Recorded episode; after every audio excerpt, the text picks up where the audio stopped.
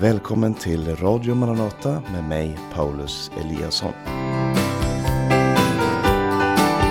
Påskhelgen är just över och här i Radio Maranata så har flera av programledarna programledarna, de som har hållit i programmen, talat om just det här ämnet. Vad skedde på Golgata? Vad betyder Jesu död och uppståndelse för världen idag? Och jag ska dela några tankar omkring det här jag också den här morgonen. Som ni kanske hör så är jag lite förkyld. Jag hoppas att inte det ska störa alldeles för mycket. Men jag vill påminna någonting om betydelsen av korset idag.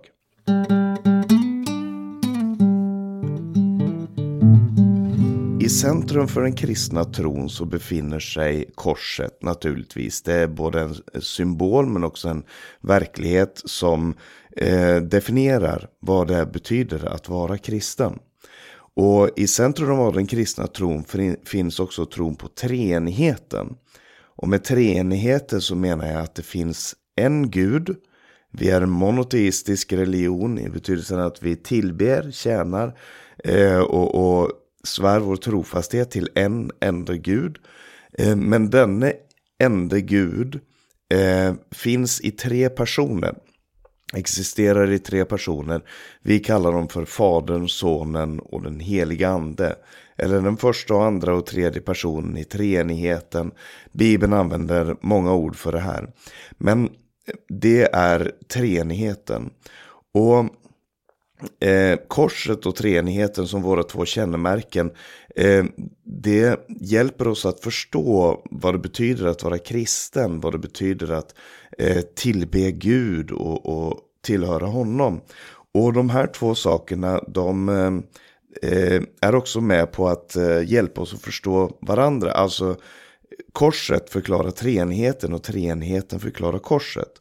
Och det är någonting som jag vill tala om idag. Därför att alla evangelierna och breven som är skrivna efter Jesu död och uppståndelse, de handlar om att ta konsekvenserna av korset. Att lära sig av vad korset betyder.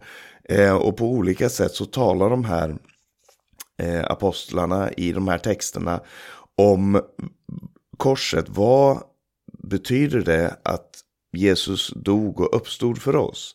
Och å andra sidan så talar de också om treenigheten. Vad betyder det att Jesus är Herre? Vad betyder det att Gud är vår fader? Vad betyder det att den heliga ande är inneboende i oss per idag?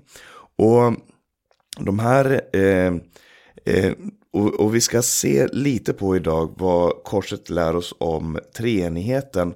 Och vi ska gå till Efesebrevets första kapitel. Och första kapitlets första del eh, talar först om Fadern, så om Sonen och så om Anden. Och eh, gör det också utifrån det som korset, eller Jesu död och uppståndelse eh, betyder. Och vi ska börja med att läsa Efesierbrevet kapitel 1 och från den, från den tredje versen. Välsignad är vår Herre Jesu Kristi Gud och Far, som i Kristus har välsignat oss med all andlig välsignelse i himmelen. Han har utvalt oss i honom före världens skapelse till att vara heliga och fläckfria inför honom. I kärlek har han förutbestämt oss till barnaskap hos honom genom Jesus Kristus efter sin goda viljas beslut till ära och pris för den nåd som han har skänkt oss i den älskade. Här används eh, några olika uttryck om vad Fadern har gjort. Eh, välsignad är vår Herre Jesu Kristi Gud och Far. Det här handlar alltså, den textavsnitt här som handlar om Fadern.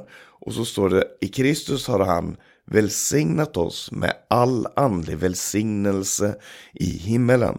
Och hur har han gjort det? Jo, han har utvalt oss i honom före världens skapelse vi är utvalda i Kristus, men av Fadern. Det är Faderns verk att vi är utvalda. Han är den som har utvalt oss. Till att vara heliga och fläckfria inför honom. Alltså vi är utvalda till helighet, avskildhet för eh, sonen.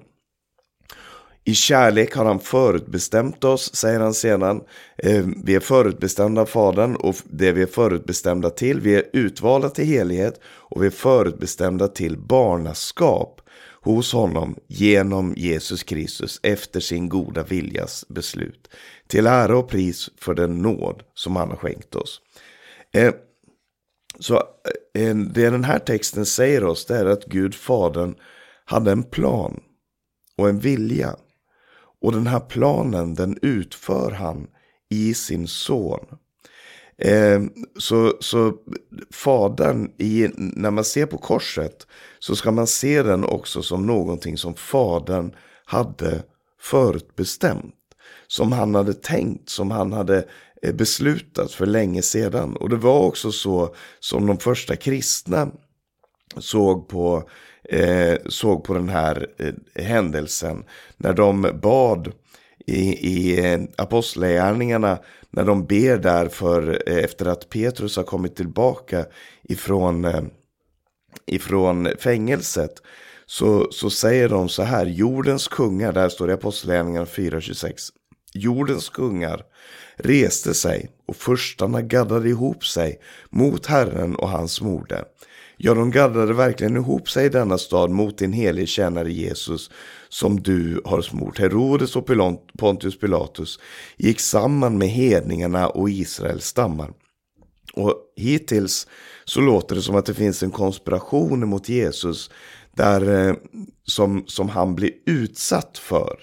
Eh, de gaddar ihop sig, Herodes, Pontius Pilatus, hedningar, Israels stammar, representanter för hela världen kommer tillsammans och, och eh, eh, konspirerar emot himmelens Gud, emot Jesus Kristus. Men så fortsätter han och säger för att utföra det som du med din hand och ditt beslut hade förutbestämt. Det, eh, det är eh, eh, församlingens perspektiv. Det som skedde, det hade du förutbestämt. Och det är också det som aposteln Paulus säger då i Efesebrevet. Gud hade förutbestämt det här. Och varför hade han förutbestämt det? Jag, jag hoppade över det sista när jag, när jag läste den här texten andra gången. Eh, det sista uttrycket som jag tycker är väldigt, väldigt viktigt. Till ära och pris för den nåd som han har skänkt oss i den älskade. Den älskade. Till ära och pris, alltså målet är att det ska eh, att människor ska ära och prisa den treenige Gud. För den nåd som han har skänkt oss i den älskade. Och det är inte slumpmässigt att eh, uttrycket som används för Jesus här är den älskade. Alltså tidigare i texten har han talat om Jesus Kristus eller, eller Herren Jesus Kristus. Och eh, eh, sen så i den här texten så, så kallas han också för Herren men, och Kristus. Men här säger han i den älskade. Och det är ett uttryck som går tillbaka till till exempel eh, Jesu dop. När Jesus blev döpt så, så står det att när han kom upp ur vattnet så eh, sänkte sig den helige ande över honom som en duva. Och det här är också en treenighetshändelse där Fader, Son och helig ande uppträder eh, samtidigt. Och när Jesus kommer upp ur vattnet, en duva sänker sig ner över honom och så hörs det en röst ifrån himlen som säger Denne är min son, den älskade. I honom har jag funnit mitt behag. Och himmelen, himmelens, fadern i himmelen bekräftar att detta är hans älskade son. Och eh, Johannes döparen som döpte Jesus, han eh, använder det här som utgångspunkt när han i det tredje kapitlet, i Johannes kapitel 3 ska jag säga, eh, talar om Jesus så säger han någonting speciellt om Jesus. Antagligen någonting som han lärde sig där vid, eh, vid eh, eh, eh, dopet. När han hörde den här rösten ifrån himlen där fadern sa Den är min son, den älskade. Och för Johannes 3.35 så står det följande så här. Eh, Johannes, förlåt men nu var jag på fel vers. Johannes 3.35. Fadern älskar sonen och har lagt allt i hans hand. Fadern älskar sonen och har lagt allt i hans hand. Och den här texten handlar om ett kärleks, en kärleksrelation. Eh, så när, när, både när Paulus i Efesebrevet och när Johannes i Johannes evangelium ska beskriva eh, relationen mellan fadern och sonen så säger de, Paulus säger han är den älskade sonen.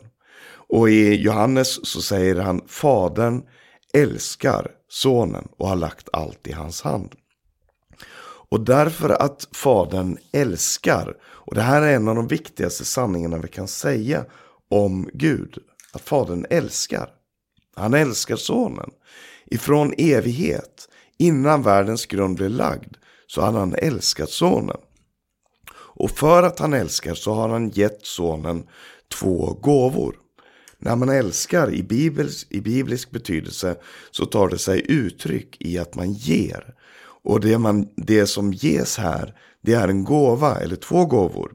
Och den första kan vi läsa om i Johannes kapitel 5. Där det står så här i den 22 versen. Fadern dömer ingen, utan han har överlämnat hela domen till sonen. För att alla ska ära sonen så som de ärar fadern. Den som inte ärar sonen ärar heller inte fadern som har sänt honom. Så den här texten säger alltså att fadern har gett en gåva eh, till sonen. Och den gåvan är att han ska döma världen. Han ska, han ska få all dom. Han ska få döma. Eh, och anledningen att sonen ska få döma är för att han ska bli ärad. För att alla ska ära sonen så som de ärar fadern. Så fader, son och helig ande delar sin ära med varandra. Trots att det står i Bibeln att Gud delar inte sin ära med någon. Och det är därför vi vet att fader, son och helig ande alla tre är Gud. Därför att fadern ärar sonen och önskar sonens ära. Och sonen önskar faderns ära och anden önskar sonens ära. På det sättet så ärar de varandra. Och eh, eh därför så vet vi, bland annat därför så vet vi att Fader, Son och Helig Ande, alla tre är Gud. Eh, men det andra som Fadern ger till Sonen, det står i kapitel 6 och vers 37. Där det står så här. Eh, alla som Fadern ger mig kommer till mig. Och den som kommer till mig ska jag aldrig visa bort. Eh, jag har inte kommit ner från himlen för att göra min egen vilja, utan hans vilja som har sänt mig. Alla som Fadern ger mig kommer till mig. Och den som kommer till mig ska jag aldrig visa bort. Så det finns en, eh, från Guds perspektiv så handlar det om att Fadern ger sonen ett folk. Som han, som sonen sedan bevarar. Det, det är eh, gåvan som fadern ger till sonen. Det är eh, ett folk. Och gåvan som sonen ger till fadern. Det är att han eh, bevarar det folket som han har fått. Eh, ett folk som ärar honom. Och det är sonens ära som står i centrum för hela den här balletten, den här dansen, den här sången, den här relationen mellan fader, son och helig ande. Och om vi går tillbaka till Efesebrevet, har vi läst eh, där en del som, den del som handlar om fadern.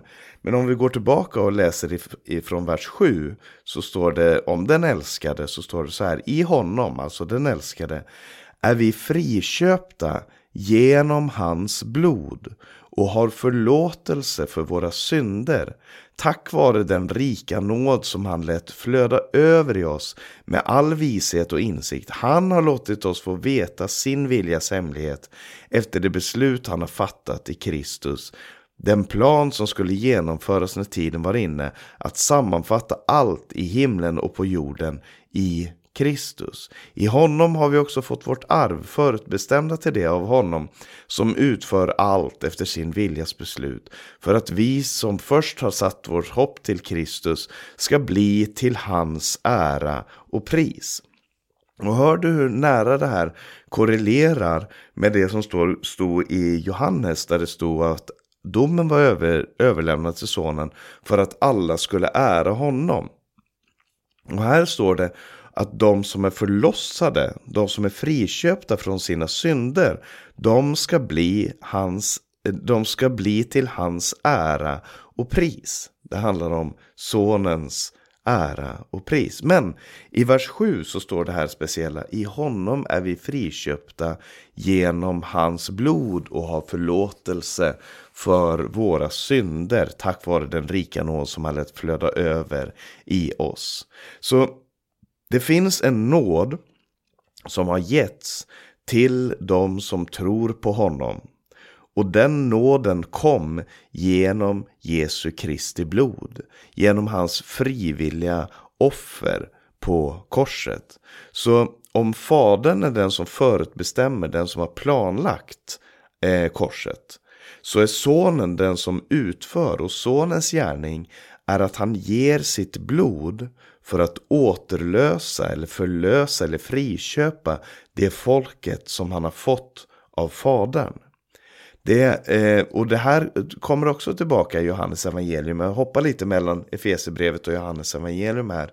Eh, I det tionde kapitlet så står det i den elfte versen, en välkänd vers där det står Jag är den gode herden. Den gode herden ger sitt liv för fåren. Han är den gode herden som ger sitt liv för fåren. Och varför gör han det? Han gör det av kärlek. Eh, av kärlek till Fadern som vi har talat om hittills. Men också av kärlek till dem. Därför att Johannes 3.16 säger så här. Så högt älskade Gud världen att han gav sin enfödde son. Alltså i Johannes 3.35 så säger Johannes döparen Fadern älskar sonen och har gett allt i hans hand. Så när i den relationen så är det fadern som älskar sonen och ger allt till honom. Men i en annan relation så är det fadern som älskar världen och ger sonen till världen. Och du ser att det, det finns ett mönster här. Framförallt så, så handlar det om, eh, som jag sa tidigare, att kärleken tar sig uttryck i, en, i utgivande, självuppoffrande. Eh, men, men också det här att det finns en relation mellan Fader, Son och Heligande där människor är inbjudna, där människor kan få vara med i det samtalet, i den relationen. Och det är nåd utöver nåd. Som, som han säger i, i Efesierbrevet så är det nåd som är utöst över oss. Så när vi ser korset, då ser vi den kärlek som finns mellan fadern och sonen. Att sonen utför faderns vilja. Eh, att sonen bär det här för faderns skull. Och sonen, fadern ger folket till sonen. Och sonen tar emot det här förlösta folket. Och han är den som betalar för deras förlösning, förlossning. Och eh, för deras frälsning. Och det... Eh, Eh, och, och, och, jag tycker att det där är så otroligt stort. Just därför att den, det uttrycker, eh, vi, vi blir inbjudna i Fadern och Sonens och den heliga Andes råd. Och när man ser den Gud som har skapat världen, när man ser allt det stora och härliga och fantastiska som han har gjort. Å ena sidan så blir man ju otroligt liten. Man blir så oändligt liten i förhållande till han som har skapat världen, han som har lagt den här eviga planen, han som utför allt efter sin viljas beslut. Men sen får man också se att det är inte bara det att vi är ett objekt i den här händelsen. Att vi är någonting som fadern ger till sonen och vi är en slags eh, eh vi är en present och, och that's it. Utan eh, det här är ett perspektiv. Det andra perspektivet är att Fadern har gett sonen för att förlossa oss. Därför att han älskar oss. Därför att han älskar människor så har han gett sin son till förlossning. Och det är oändligt stort. Och där får man verkligen se hur mycket en människa är värd i Guds ögon, för Gud.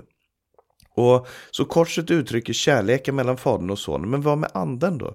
Jo, anden eh, eh, eh applicerar det här Golgataverket på oss. För att det som har skett på Golgata, det, det är en verklighet. Men det måste bli en verklighet i våra liv. Och det sker genom anden.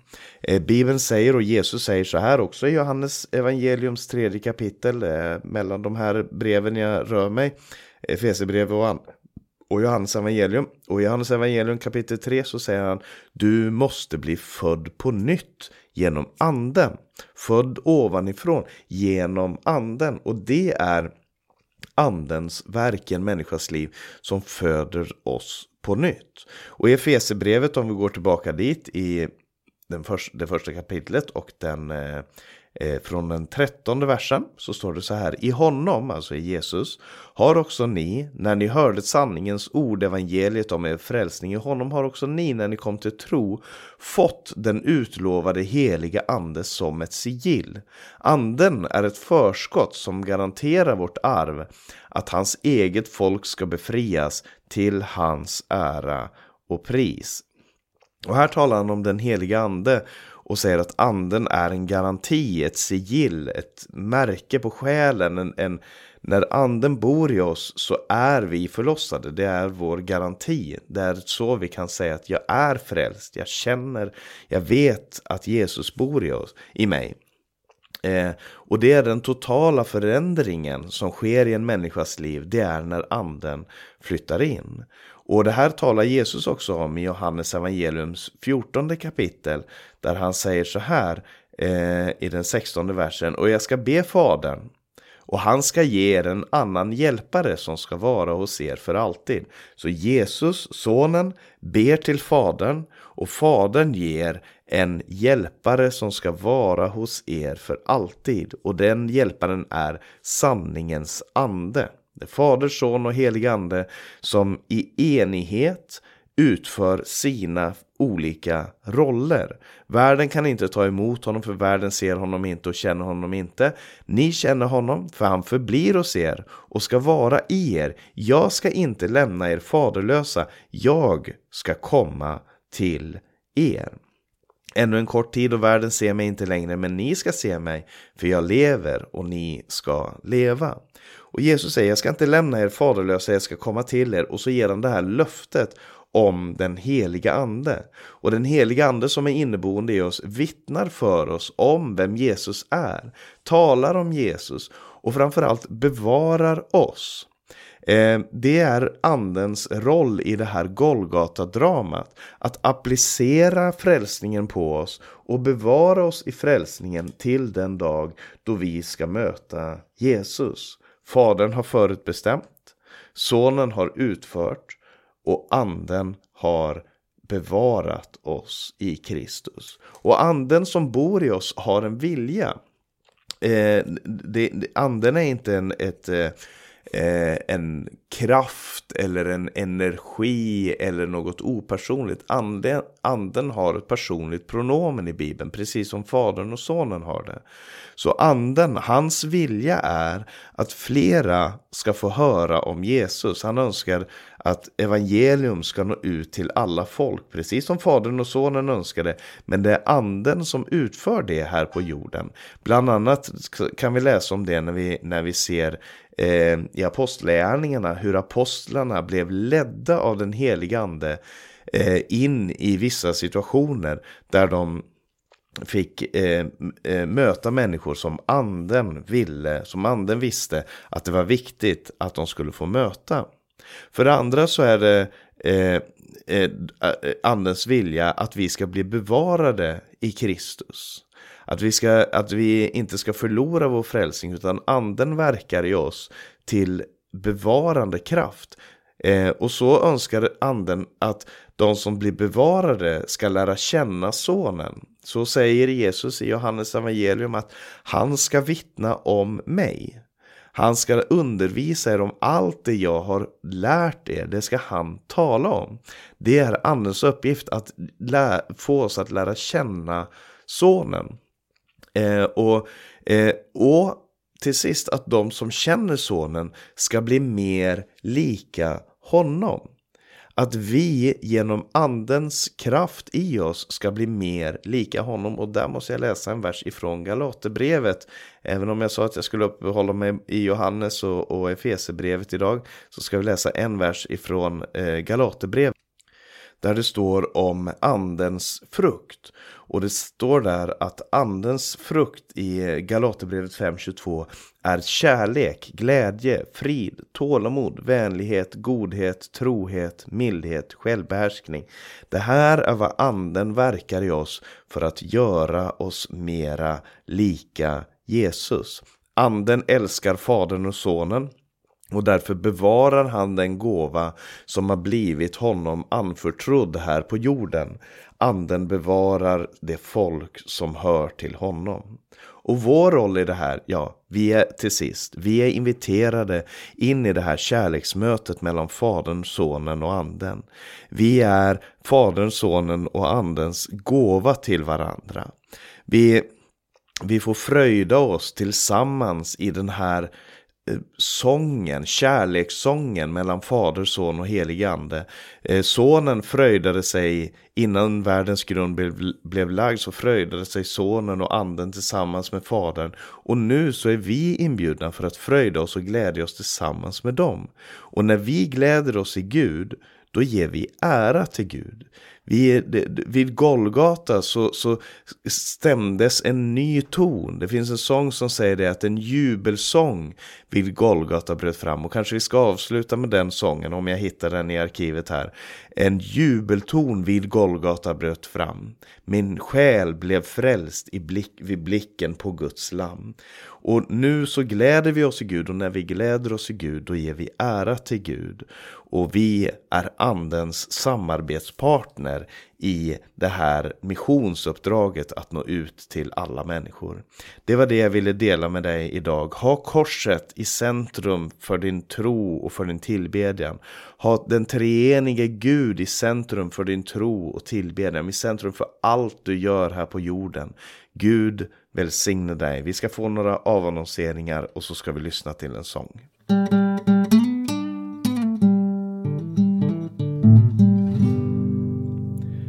Du har lyssnat till en podcast ifrån Radio Maranata med mig, Paulus Eliasson. Det här programmet har också sänts över Stockholms närradio 88 MHz och Örebro närradio 95,3 MHz. Om du vill lyssna på dem live så sänds de på tisdagar klockan 8. Eh, sprid gärna det här programmet till andra. Skicka länken till någon du tycker kan behöva höra det här. Och om du har frågor eller kommentarer omkring programmet så skicka gärna en e-post till info.maranata.se eller ring 070-201 60 20. På vår hemsida maranata.se så kan du höra de här programmen. Du kan läsa tidningen Minasropet. Du kan se Radio Maranatas övriga sändningstider. Jag önskar dig Guds rika välsignelse på återhörande om en vecka. En jubeltåg vid Golgata